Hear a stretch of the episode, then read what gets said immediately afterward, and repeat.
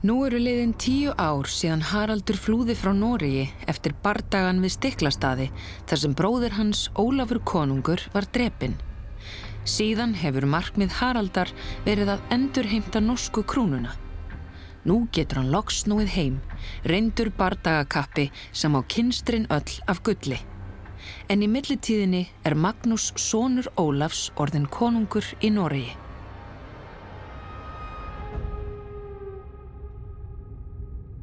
Þú ert að hlusta á vikinga og setni hluta sögunar um Harald Harðráða.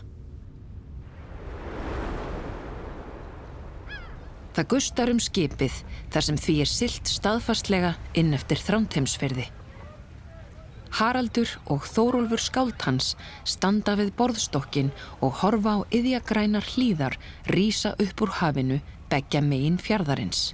Þessa strönd hafa þeir ekki séð í tíu ár ekki síðan í orustunni við stiklastaði. Það var þann dag sem örlög þeirra fléttuðust saman. Stiklastaðir. Minningin hellist fyrirvara laust yfir Harald. Hann er aftur orðin 15 ára gamal og heggur sér örvendingar fullur leið gegnum þvögu af lífshættulegum, skelvingulosnum körlum. Þórólfur er með honum. Saman reyna þeir að finna Ólaf Konung, bróður Haraldar, til þess að hjálpa honum. En þegar Haraldur kemur auga á bróður sinn, liggur hann á njánum í blóðpolli.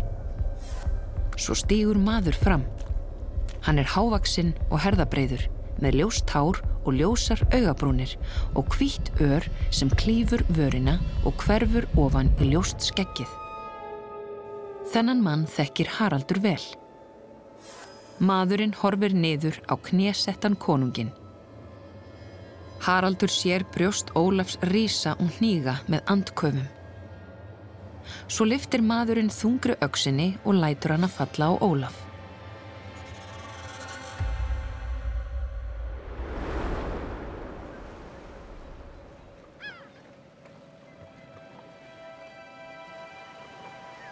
Haraldi er kift aftur inn í nútíðina þegar Þórólfur tekur um handlegg hans. Sjórin freyðir umhverfis stefni skipsins og fugglahópur flýgur látt yfir hafið. Hvað gengur að þér? spurði ég.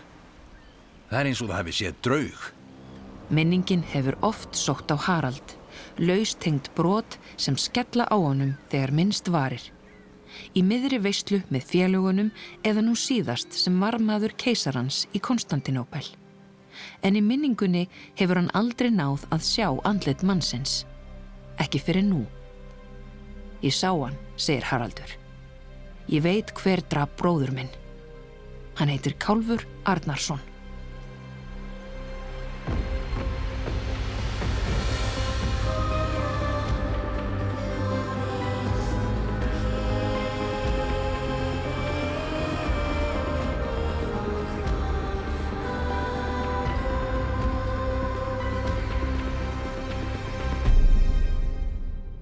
Heiti Þórólur og ég var heyrðskald Haraldar Harðráða. Ég fylgd honum æfina á enda. Bústaður konungs í þrámteimi er reysulegt langhús með útsinni yfir fjörðin. Þeir Haraldur og Þórólfur ganga inn. Sónur Ólafs, Magnús konungur, kemur á mótið þeim í rökkviðum salnum. Hann var ekki gladur að sjá, frekar hrættur eða reyður og það var engin furða. Haraldur og bróðursónurinn Magnús hafa skipst á ófáum skilabóðum síðasta mánuðin. Magnús sem er 18 ára gamal er konungur yfir Noregi og fyrir skemstu gengu danskir höfðingjar á fundans og báðu hann að gerast konungur yfir Danmörku. Haraldur hefur því lagt til að Magnús gefi honum hluta af norska konungsríkinu.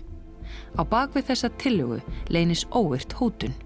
Haraldur hefur tíu ára reynslu sem málaliði og liðsforingi hjá tveimur öflugustu stríðsveldum Evrópu og hann er nægilega auðugur og allræmdur til þess að laða marga vongóða stríðsmenn til sín. Magnús ætti að telja helming norska ríkisins látt verð fyrir frið, hugsaði Haraldur með sér. Og þegar Magnús heyrði tilbóðið svara hann því til að hann myndi taka því ef hann fengi helmingin af auðæfum Haraldar. Magnús hafði jú staðið í miklum útgjöldum. Upphafði skotið kollunum ungur aðalsmaður sem vildi líka eignast Danmörsku. Aðalsmaðurinn heitir Sveitn Ástriðarsson og jáfnvel þótt flestir danskir höfðingjar vilji helst fá Magnús sem kong, neyðist hann til þess að leggja út í kostnæðarsamt stríð við Svein. Nú hafa Haraldur og Magnús samþygt skilirði hvor annars. Í dag ætla þeir bara að ganga frá formsadriðunum. Haraldur á að verða konungur yfir halvum Noregi. Þeir eiga aðeins eftir að staðfesta sanningin með því að sverja eigð þegar þriðji maðurinn gengur inn um dyrnar. Lávaksinn og kraftalegur með grátt skegg og framstæðan hvið. Einar þambarskelfir, ráðgjafi Magnúsar, viðfræg hetja eftir svoldarbardaga og kannski valdamesti maður Norex. Þambarskelfir kom inn, másandi og físibelgur. Hann hefði greinlega riðið þangað á þeysi spretti í vonum að verða undan okkur kemur ekki til greina, er það fyrsta sem einar þambarskelfir segir. Aldrei þessu vant kemur fát á Harald sem tekur að stama. Hvað á hann við? Þambarskelfir svara því til að festu að Magnús konungur muni ekki taka tilbóði Haraldar. Það sé skammarlegt og þegar Magnús verði dálitið eldri og reyndari muni hann átta sig á því. Haraldur neyir sig hæðnislega fyrir Magnúsi og spyr hvað konungur vilji því það sé vantanlega hann sem ræður. Magnús er vandraðalegur að sjá en segist hafa skipt um skoðun síðan þeir skrefuðust á. Hann hafi rætt málið við bæði einar þambarskelvi og fósturföður sinn Kálf Arnarsson. Haraldur stóð langa hríð og starði á Magnús. Svo reytir hann því út úr sér að Magnús kunni aldelist að velja sér ráðgjafa. Hefur enginn sagt honum að fósturfæður hans sé sami maður og drap föður hans? Magnús stendur upp. Hann er fölur sem nár. Þú hefur engan rétt til þess að koma hingað og ljúa upp í opið geðið á mér í vonum að ég snúist gegn mínum nánustu. Út með þig, segir hann. Haraldur stendur sömuleiðis á fætur. Magnúsi mun hegnast fyrir þetta. Haraldur stormar niður að höfninni og skipi sínu.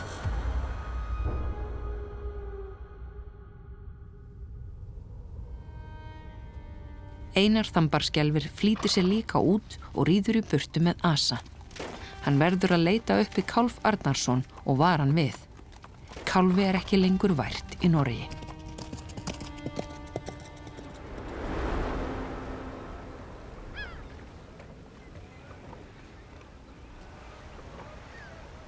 Skip Haraldar er á siglingu út fjörðin. Hann hefur sett stefnuna á Danmörku. Haraldur gæti ekki setið kyrr. Hann þrammaði yrðalus fram og tilbaka um þilfarið. Hann hafði verið svo vissum að allt myndi ganga upp. Þessi einar þambarskelfir er slægur anskoti. Einar hafði sótt Magnús til kænugarðs og gert hann að konungi þegar drengurinn var aðeins 11 ára gamal. Ólafur fadir Magnúsar var illa liðinn á meðan hann livði en um leið og hann dó og var gerður að dýrlingi vildu allir norðmenn fá svonans til að taka við krúnunni. Og Magnús lit vel að stjórn. Haraldur hrækir yfir borðstokkin í áttað konungsbólinu sem enn sést á hæðinni að baki þeim. Að einar þambarskjálfir skuli voga sér að hleypa morðingjanum kálfi að hyrðinni. En kálfur er auðvitað frændi eða vinur allra sem einhverju ráða í Noregi svo að þambarskelfir getur ekki ánan sverið. Og Magnús veit auðvitað ekkert. Hvernig líður Magnúsi þegar hann áttar sig á því að hann hefur þegi ráð frá morðingja föður síns, heldur Haraldur áfram. Ég bent honum á að Kálfur hefði drepið Ólaf í orustu. Því væri raun ekki hægt að kalla hann morðingja. En Haraldur sendi mér bara ískalt augnaráð. Nú ætlar Haraldur að leita uppi Svein Ástriðarsson sem keppir við Magnús um dönsku krúnuna. Haraldur ætlar að neyða Magnús til að farað sínum vilja með hjálp frá Sveini.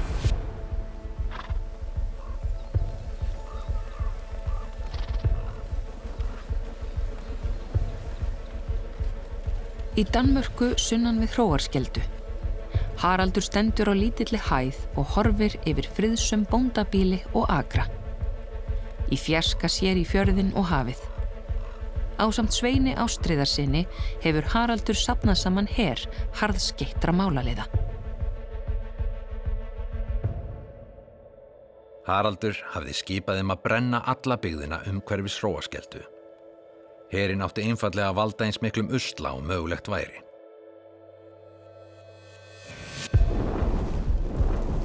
Þegar rökkvar sér Haraldur skipanir sínar verðað veruleika hvarvetna blossa upp eldar þar sem stríðsmenn hans fara hús úr húsi og kveikja í.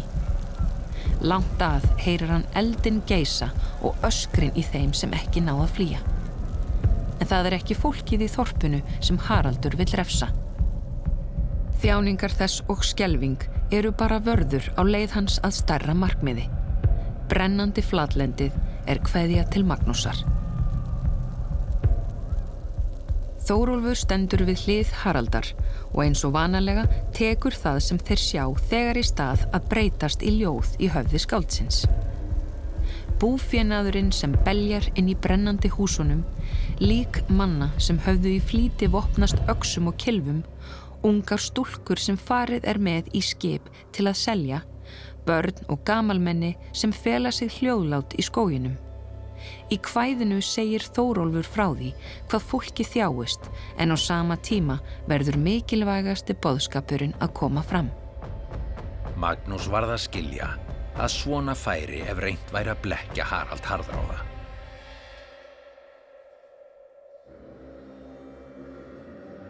Nú hefur Haraldur hamrað á sama boðskapnum í heilan mánuð á ýmsum stöðum í Danmörku og þetta kvöld berast honum bóð frá Magnúsi. Hann samþykir að deila völdum yfir Noregi með Haraldi. En hvorugur þeirra veit að innan skams mun staðamála gjör breytast.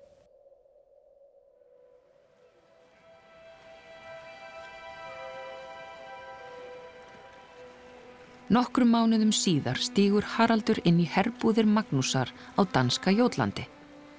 Magnús baðan að komaðangað eins hratt og auðið væri. Hvers vegna veit Haraldur ekki enn. En þegar þeir Þórólfur ganga inn í tjaldið, liggur Magnús í fleti sínu undir þungum voðum. Í tjaldinu er stæk veikindalegt. Um leið og við sáum hann skildi ég að hann var döðvona. Sóttitinn var að geta hann innanfrá. En Magnús þarf að byggja Harald um nokkuð mikilvægt. Höndin sem grýpur um hönd Haralds er beinaperr og þurr. Haraldur þarf að beita sig hörðu til að rökkvekki undan. Kálfur, steinur Magnús upp. Haraldur kinkar kolli. Fyrir hugskott sjónum liftrar dauðastund Ólafs bróður hans. Hatursfullt andlit kálfs þar sem hann hefur auksina á loft yfir Ólafi. Ég gati ekki glemt því sem þú sagður um kálf þegar við fundum fyrst, segir Magnús. Fyrst hafði hann hugsað með sér að finna kálf og ganga á hann hafði Kálfur virkilega drepið Ólaf eins og Haraldur helt fram. En Kálfur hafði yfirgefið Noreg með hraði án þessa kveðja. Sársuga sveipur fer um andlit Magnúsar og skindilega áttar Haraldur sig á því hversu dýrmæntur Kálfur hefur verið Magnúsi sem var aðeins 11 ára þegar hann var sóttur til Garðaríkis og gerður að konungi heima í Nóri. Kálfur vann tröst drengsins, kendi honum að afla sér virðingar meðal stormenna og jarla, æfði með honum skilmingar og skotfemi tímunum saman. Kálfur varð fadirinn sem Magnús þarnaðist. Nú eru þau bönd brostin. Fyrir tilstilli Haraldar komst Magnús að því að Kálfur hefði myrt hinn sanna föður hans. Magnús sagði að Haraldur er að koma fram hemdum á Kálfi en það mætti ekki gerast með svikabröðum. Þetta var ekki morð, segir Magnús. Ólafur var drepin í stríði. Hver heldur þið eiginlega að ég sé, möldrar Haraldur. Magnús svarar ekki. Í staðin segir hann að nú verði Haraldur að taka við hans helmingi af Norska ríkinu. Hérðan í frá muni Haraldur ríkja einn yfir Noregi. Og Danmörku, segir Haraldur, sem fær ekki dölið ákafesinn. Ég erfi líka Danmörku. Magnús hristir höfuðið. Í gær sendi hann bóð til Sveins Ástriðarssonar, keppinutar síns um völdin yfir Danmörku. Hann hefur hugsað sér að arfleiða Svein að danska ríkinu. Haraldur starir á náföld andlitið á sveiflinum. Honum líður eins og hann hafi verið slegin utanundir. Hann er föðurbróðir Magnúsar en Magnús vill fremur gefa óvinni sínum Danmörku en honum. Haraldur reynir að fá hann til að hlusta en Magnús verðist vera líða burt. Haraldur grýpur um axlir hans og hristir en Magnús mælir ekki framar. Ég varð að draga Haraldi í burtu. Hann neitaði að skilja að pilturum væri dáin. Haraldur reykar út úr tjaldinu, rekst á menn sem gráta hástöfum. Hann fyllist órunveruleika kent. Jafnvel í dauðanum hefur Magnús neyðurlegt hann.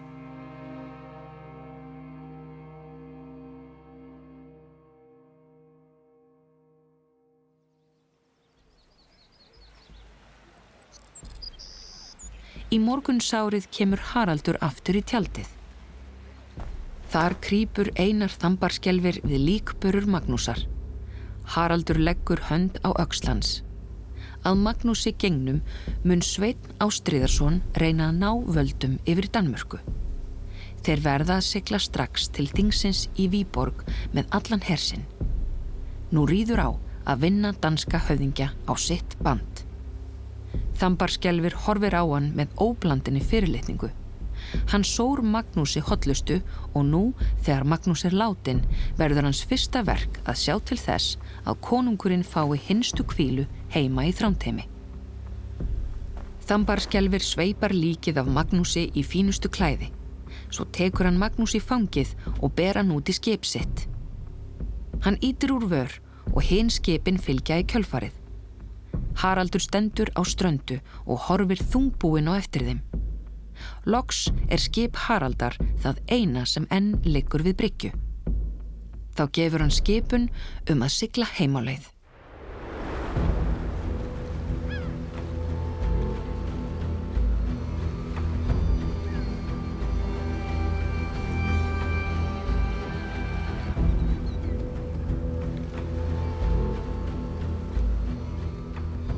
Hann var beiskur í skapi alla ferðina. Magnús hafði arfleitt svein að Danmörku allri og í Noregi erði Haraldur að reyna að komast að einhverju samkómulagi við einar þambarskelvi sem erði ekki auðvelt. Haraldur siglir heim sem konungur yfir öllum Noregi en veit að þambarskelvir mun ekki sleppa völdunum sjálfviljur.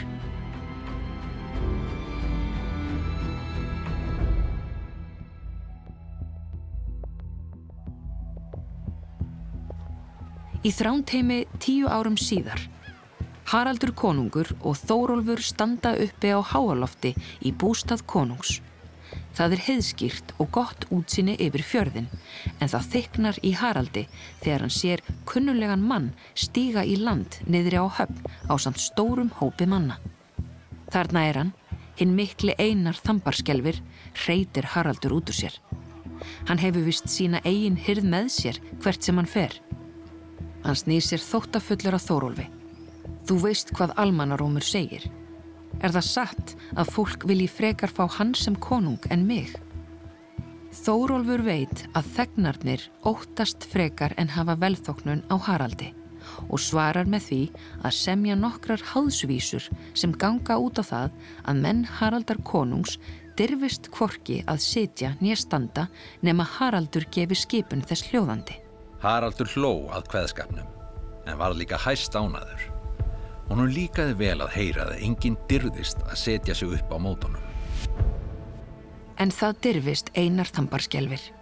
Hann er talsmaður bænda á þinginu og lendir oft í orðaskaki við Harald. Deilurnar hafa fæst í aukana og til öryggis er þambarskelfir farin að hafa með sér stort fyldarleið bænda þegar hann kemur til þránteims.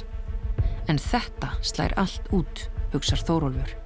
Það hljóta að vera 500 manns sem ganga í land og þramma á eftir honum gegnum bæin rétt neðan við konungsbólið. Þegar Haraldur heyrði hvæði mitt svaraði minn sínu eigin. Það fjallaði um að einar þambarskelfir myndi bráðlega rekan úr landi. Nema einar kissi, öksar munn hinn þunna. Í dag ætla Haraldur og Einar þambarskelfir þó að hittast og reyna að ná sáttum. Hvernig sem það nú fer, hugsar Þórólfur.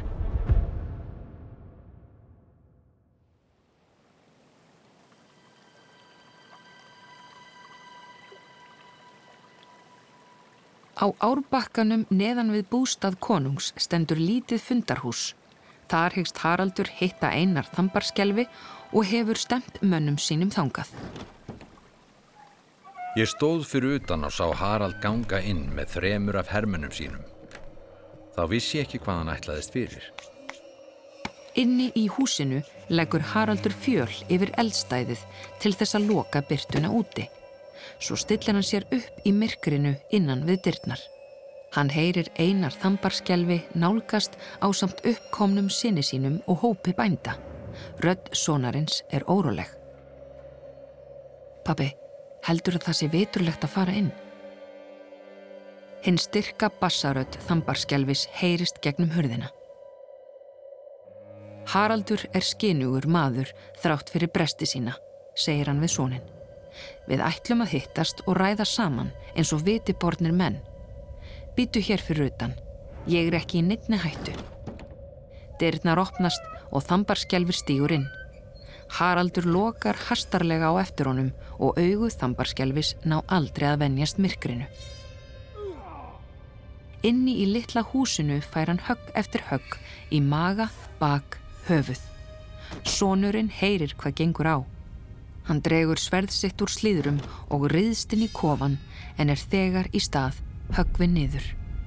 Á augabræði er leiknum lokið. Þegar bændurnir úr fylgdaliði þambarskelefis áttuðu sig á því hvað hefði gerst, tókuð þeirra öskra á hemd. En þegar Haraldur og menn hans komu út, blóði drifnir, vogaði enginn sér að ráðast á þá. Haraldur hefur losað sig við sinn versta óvinn en aldrei hafa þegnarnir hataðan jafn heitt.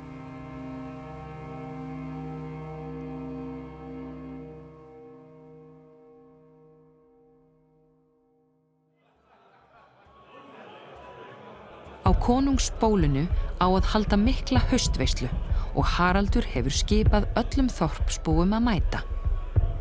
Fólk verðist skemta sér vel Það er stíin dans, börn hlaupa fram og aftur á milli borðana, skáldin standa í miðjum hópnum og reyna að skjóta hvert öðru ref fyrir rass með snöggum rýmfléttum á meðan ákafir gestirnir hvetjaðu áfram. En þegar Haraldur er nærri hljóðna samræðurnar.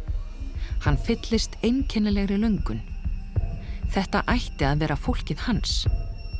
Hann ætti að vera heitt elskaður konungur eins og Magnús var. Hvað á ég að gera til að þeim líki við mig, spyr hann Ellisif konu sína. En hún hefur engin ráð. Ellisif langar bara heim í borgarlífið í kænugarði. Til bókana sinna, tónlistarinnar og fólksins. Ég held að það hefði verið í þessari veistlu sem hann áttaði sig á því að hann hefði gifst rángri konu. Hann hefði átt að velja einhverja sem átti samleið með þessu fólki. Sama kvöld byrjaði hann að ræða við Þóru. Þóra Þorbergsdóttir er fögur og hefur alltaf eitrað svar á tungubrottinum og auk þess tilerir hún einni áhrifamestu fjölskyldu Norex. En þegar Haraldur byrjar að gefa henni undir fótinn, stöðar hún hann. Veistu hvað fólk hatar þig, segir hún. Haraldur kinkar auðmjúkur kolli. Það veit hann. En hann vil sannarlega bæta sig. Hvað gæti hann til dæmis gert til að auðlast velvild Þóru sjálfrar? Hún horfir lengi á hann. Ef ég á að giftast þér, set ég tvö skilirði, Haraldur harðar á þig, segir hún svo. Þú verður að deila peningunum þínu með mér og þú verður að fyrirgefa kálfi Arnarsinni, frænda mínum, sem drap Ólaf og leif honum að snúa aftur til Norex án þess að honum sé nokkur hætta búin. Þá heldur Þóra að fadir hennar muni samþykja Harald sem tengdason sinn. Haraldur starir þögull á hana. Hvernig vogar hún sér að tala svona? Hann áttaði sig þó fljótlega á því að eflust væri þetta það besta sem stæði honum til bóða. Strax þessi jól giftist Haraldur Þórur Þorbergsdóttur Ólafur Helgi kristnaði kannski Noreg en valdamiklir karlar geta enn tekið sér margar konur án þess að fundi sér að því. Nú, þegar Haraldur er komin inn í fjölskylduna hjá velflestu hefðarfólki Noregs verður honum allt auðveldara, að minnsta kosti til að byrja með.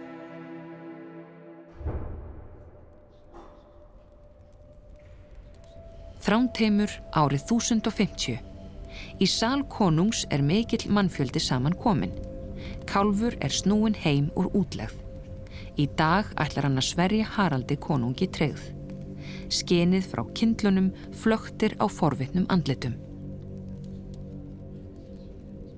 Kálfur var afar vinsæl. Hann var talin bæði hugrakkur og heiðalegur og allir vildu sjá hann á sáttum við konungin. Kálfur fellur á knið og Haraldur horfir niður á einlagt friðsælt andletið, í bláu augun með ljósu augnhárunum á örið sem klýfur vörina. En skyndilega þröng var önnur minning sér inn. Sama andletið en með munveikin gebluð í hatursbrósi, auksinn á lofti yfir Ólafi bróður Haraldar.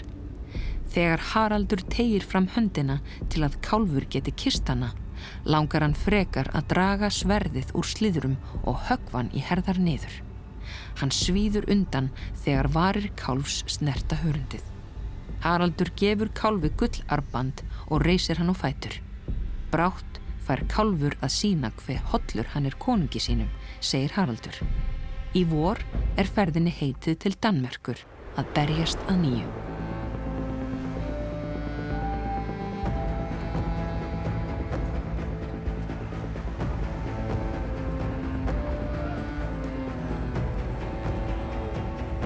Eitt dag í júni siklir Haraldur með flóta sinn inn í Óðinsvíafjörð. Sveitn Ástriðarsson erfiði Danmörku eftir Magnús en Haraldur heldur uppteknum hætti við að reyna að ná ríkinu frá honum. Kálfur er með í för. Þetta er fyrsta ferð hans með Haraldi en hann var ekki lengi að verða ómissandi liðsmaður. Haraldur finnur að menn hans laðast að kálfi. Rósemt hans og hugrekki smitar út frá sér en nú kemur Kálfur til Haraldar og er áhyggjufullur á sveip. Hann hafði komið auga á hersveins út á höfða þar skamt frá og já, herin virtist miklu stærri en okkar eigin. Þeir höfðu þó enn ekki séð til okkar. Haraldur ákveður umsveifalöst að senda af stað framvarðasveit sem á að fara fyrir höfðan og afvega leiða danina á meðan aðrir menn Haraldar koma aftan að óvinninum. Hann gerir kálf að leiðtoga yfir litla hópnum sem á að vera agn fyrir danina. Hópurinn sem þú ætlar að senda af stað er hansi lítill, segir kálfur hikandi. Ég kem rétt á eftir og stið ykkur, lofar Haraldur. Kálfur stendur kér og ætlar að bæta einhverju við en skiptur um skoðun og skipar mönnum sínum að róa í áttaströndinni. Við byðum eftir skipunum að gera árás og leggja kálfi lið en svo skipun kom ekki. Haraldur lit sér hverfa undir þiljur og var þar að fást við eitthvað. Ég sagði honum að við erum að fara strax ef kálfur ætti að eiga minsta möguleika. Loks komast þeir af stað og fara í land við höfðan. Þar finna þeir kálf og þá hinna. Lík þeirra eru illa útleikin. Haraldur rekur menn sína á eftir herr Sveins og þeir drepa marga dani. En um kvöldið ríkir einkennlegt andrúmsloft um borð í skipi Haraldar. Mennirni skáskjóta augunum á hann en enginn segir neitt. Setna er kvíslað um að Haraldur hafi vísvitandi sendt kálf út í opin döðan. Sumir segja kálf of trúgjarnan að það var haldið að Haraldur gæti fyrirgefið honum. Sjálfur saði Haraldur að fólk mætti trúa hverju sem það vildi. En ég sá að það læðist þungt á hann að menn hans skildu forðast hann.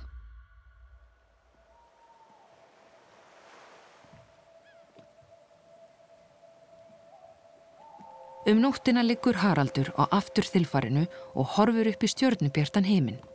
Hann hjælta að hann erði ánæður. Hann emdi lofórðið við Þóru og ættmenni hennar og hlifti kálfi heim. Launin voru þau að fá að giftast inn í aðalstjætt Norex. Nú er kálfur döður og enginn getur fært á það sönnur að það hafi verið Haraldi að kenna. En innramið sér heyrir hann rött Magnúsar þarna í hinsta sinn í tjaldinu. Þegar hann bað Harald að hefna Ólafs. Kálfur er hugrakkur maður og þú mátt ekki drepa hann með sveikabröðum. Það fer hrollur um Harald. Hann hefur brotið gegn hinstu ósk bróðursona síns. Það getur ekki bóðað annað en ógefu.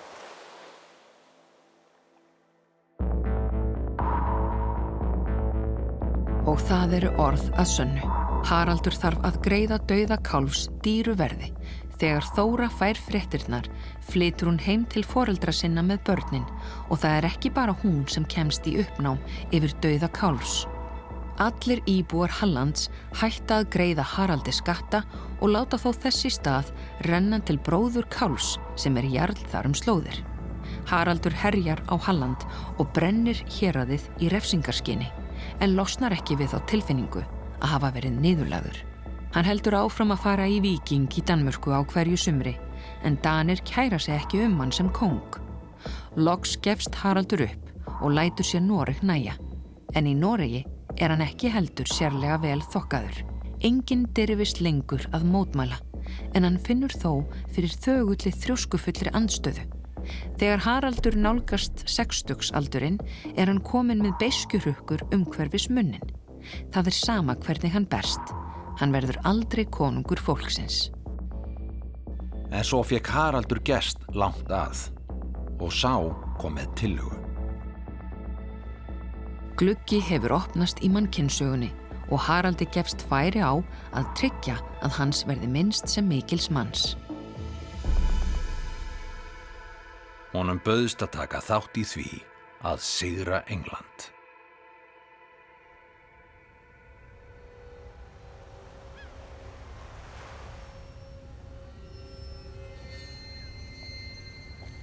Tuttugust og 5. september 1066 er hlýr og fallegur höstdagur í Jórvíkuskýri. Haraldur vaknar í dögun og er fullur eftirvæntingar. Vatnið gjálfurar við skipskrokkin og mennirnir sem sofa við hlið Haraldar um borð eru hans eigið herlið. Þeir treysta á hann jamt á sjó og í landi. Við hliðina á skipi hans er afgangurinn að flota hans bundin, laung röð af leprum skipum sem bera gilt dregahöfuð. Þeir eru stattir nálagt vaðinu við Stafnfurðubryggju eða Stamford Bridge, 15 kilometrum frá enska bænum Jórvík. Konungur Englands lést nýlega barndlaus og hans hægri hönd, Haraldur Guðinason, hefur tekið við krúnunni. En halfbróður nýja konungsins, Tósta Jarli, þykir fram hjá sér gengið. Hann bað Harald harðráða að hjálpa sér að steipa Haraldi Guðina sinni af stóli. Síðan muni þeir deila ennsku krúnunni. Haraldur var gladari og kátari en ég hefði séðan um langa hríð. Innrásin í England fór vel af stað. Fyrst brendu þeir Skörðuborg, svo réðu þeir niðurlögum Engilsaksneska hersins og í gær gáfust Jórvíkur búar upp án þess að til bardaga kæmi.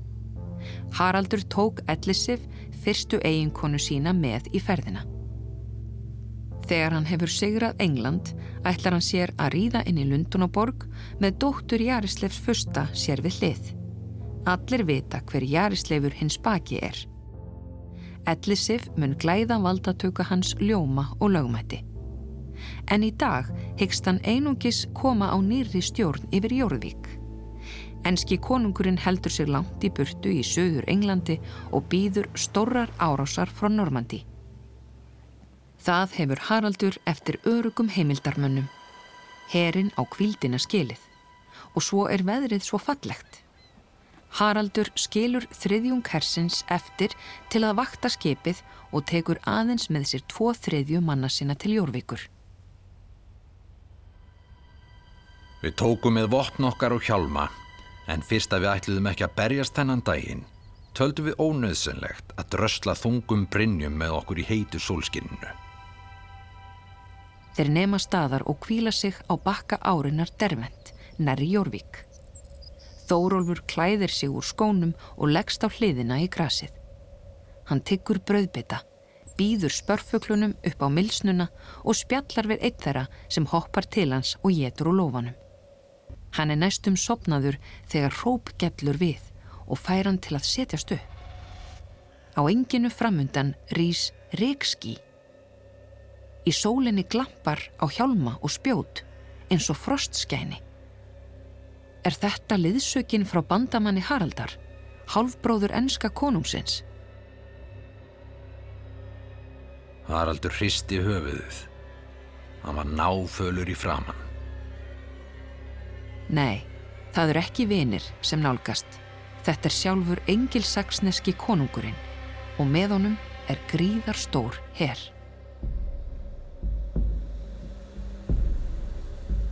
Haraldi Guðunarsinni hefur tekist að píska hermenn sína þvert yfir landið, rúmlega 30 mílur á aðeins fjórum dögum. Þórólfur stendur á fætur. Óvinna herrin er of stór. Þeir verða tafarlaust að hörfa aftur að skipunum þar sem þeir geima herrklæði sín og þar sem félagar þeirra býða. En Haraldur neytaði. Hann ætlaði sér ekki að gefa tómmu eftir og það var ómögulegt að tala um fyrir honum. Honum bauð við tilöksuninni um að flýja. Haraldur sendir þrjá menn að sækja hina hermennina í skipin en það mun taka marga klukkutíma. Í snadri stillir hann stríðsmönnum sínum upp í stóran ring með skildina út á við og bogaskitturnar fyrir innan svo að ekki séu neynir óvarðir blettir þar sem óvinnurinn getur sótt að þeim.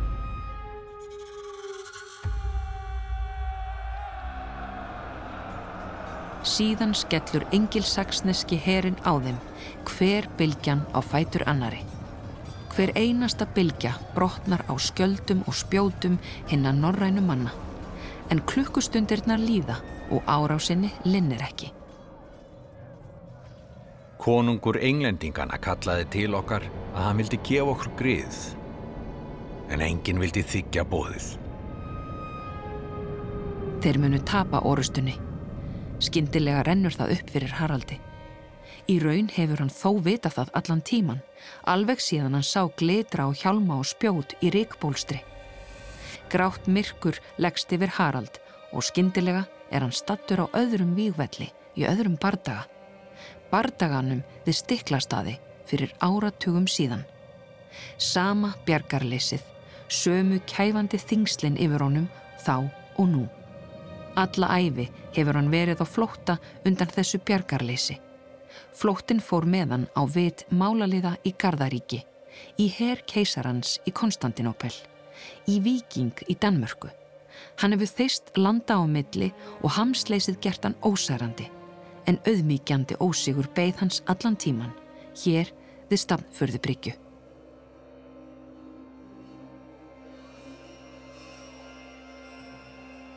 Hann lítur á Þórólf. Þórólf með kvika augnaráðið og skemmtilegu sögurnar. Þórólf sem veit hvað Haraldur er að hugsa án þess að hann þurfa að hafa um það nokkur orð.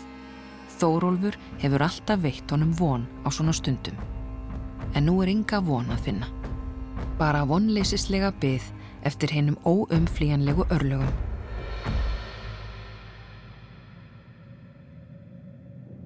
Haraldur minnist Ólafs bróður síns sem sökk ofan í fórina og beigð eftir banahögginu. Við Haraldur lítum hvor á annan og ég vissi nákamlega hvað hann var að hugsa. Hann myndi ekki býða eftir einhver annar gerði það. Hann ætlaði sjálfur að ákveða endalók sín og hann hugðist taka okkur alla með sér. Haraldur orgar skipun. Herin á að leysa upp þjætta hringin sem þeir standa í og nú skal berjast maður á mann. Menn hans hlýða. Þeir losa krampakent takið af skjöldunum og brjóta sér leið út. Fyrst er það frelsun að fá að hreyfa sig aftur en innan skams hafa óvinnirnir umkring þá, sveima í kringum þá frá öllum hliðum, högva og stinga í líkama sem skortir herrklæði sér til varnar. Haraldur kastar skildinum frá sér. Ber höfðaður og alls ómeittur reyðst hann fram á við. Hann öskrar trillingslega og heggur út í myrkrið sem ætlar að gleipa hann. Örin hittir hann í hálsin, á miksta og viðkvamasta staðin. Með blóðið fossandi úr munninum fellur hann í forarsvaðið.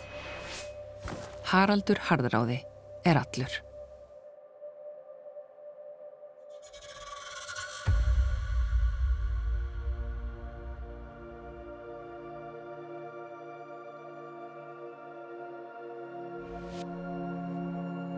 Orustan við Stafnfjörðubryggju var lengi talin marka endalók vikingatímans.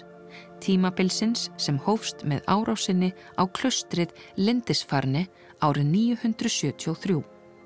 Aðeins 19 dögum eftir dauða Haraldar við Stafnfjörðubryggju kemur herrtógin Vilhjálmur af Normandi til Englands.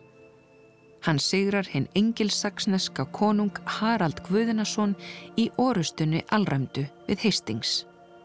Laungu tímabili norrætna áhrifa í Englandi er lokið. Nú munu frakkar þessi stað hafa tökl og haldir og því fylgir algjörlega ný stefna í menningu jæmt sem hugsun.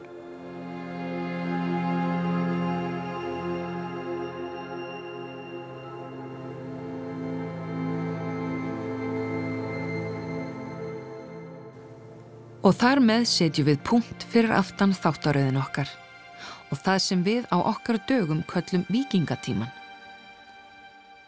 Fyrir fólkið sem lifði þá tíma var það hugtak algjörlega framandi. Það var ekki fyrir en lungu síðar sem við fundum upp merkimiða á borð við vikingatímabilið og vikinga. Og jafnvel þótt vikingarnir hafi lagt sig í framkróka við að tryggja að eftir þeim er þið munað er ekki víst að þeir hefðu þekkt sjálfa sig í lýsingum okkar á lífi þeirra. Nýja heldur trúa þeim sem segðu að eftir þúsund ár yrðu þeir enn aðalpersonur í sögum okkar.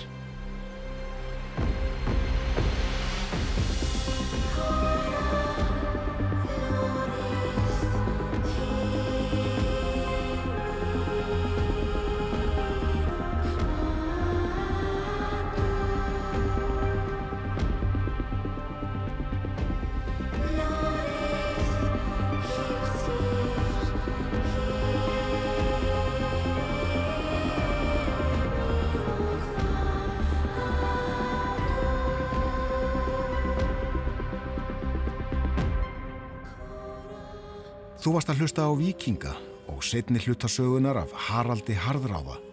Lesari Tinnar Rapsdóttir. Í hlutverki Þóróls var Sveitn Girsson. Leikstjóri Tinnar Rapsdóttir. Tæknimaður Gísli Kjaran Kristjánsson. Tónskáld Matte Bíje. Þýðandi Salka Guðmundsdóttir. Þessi þáttaröð er íslensk útgáfa af Víkingum. Útvarpsverki frá Sænska ríkisútarpinu.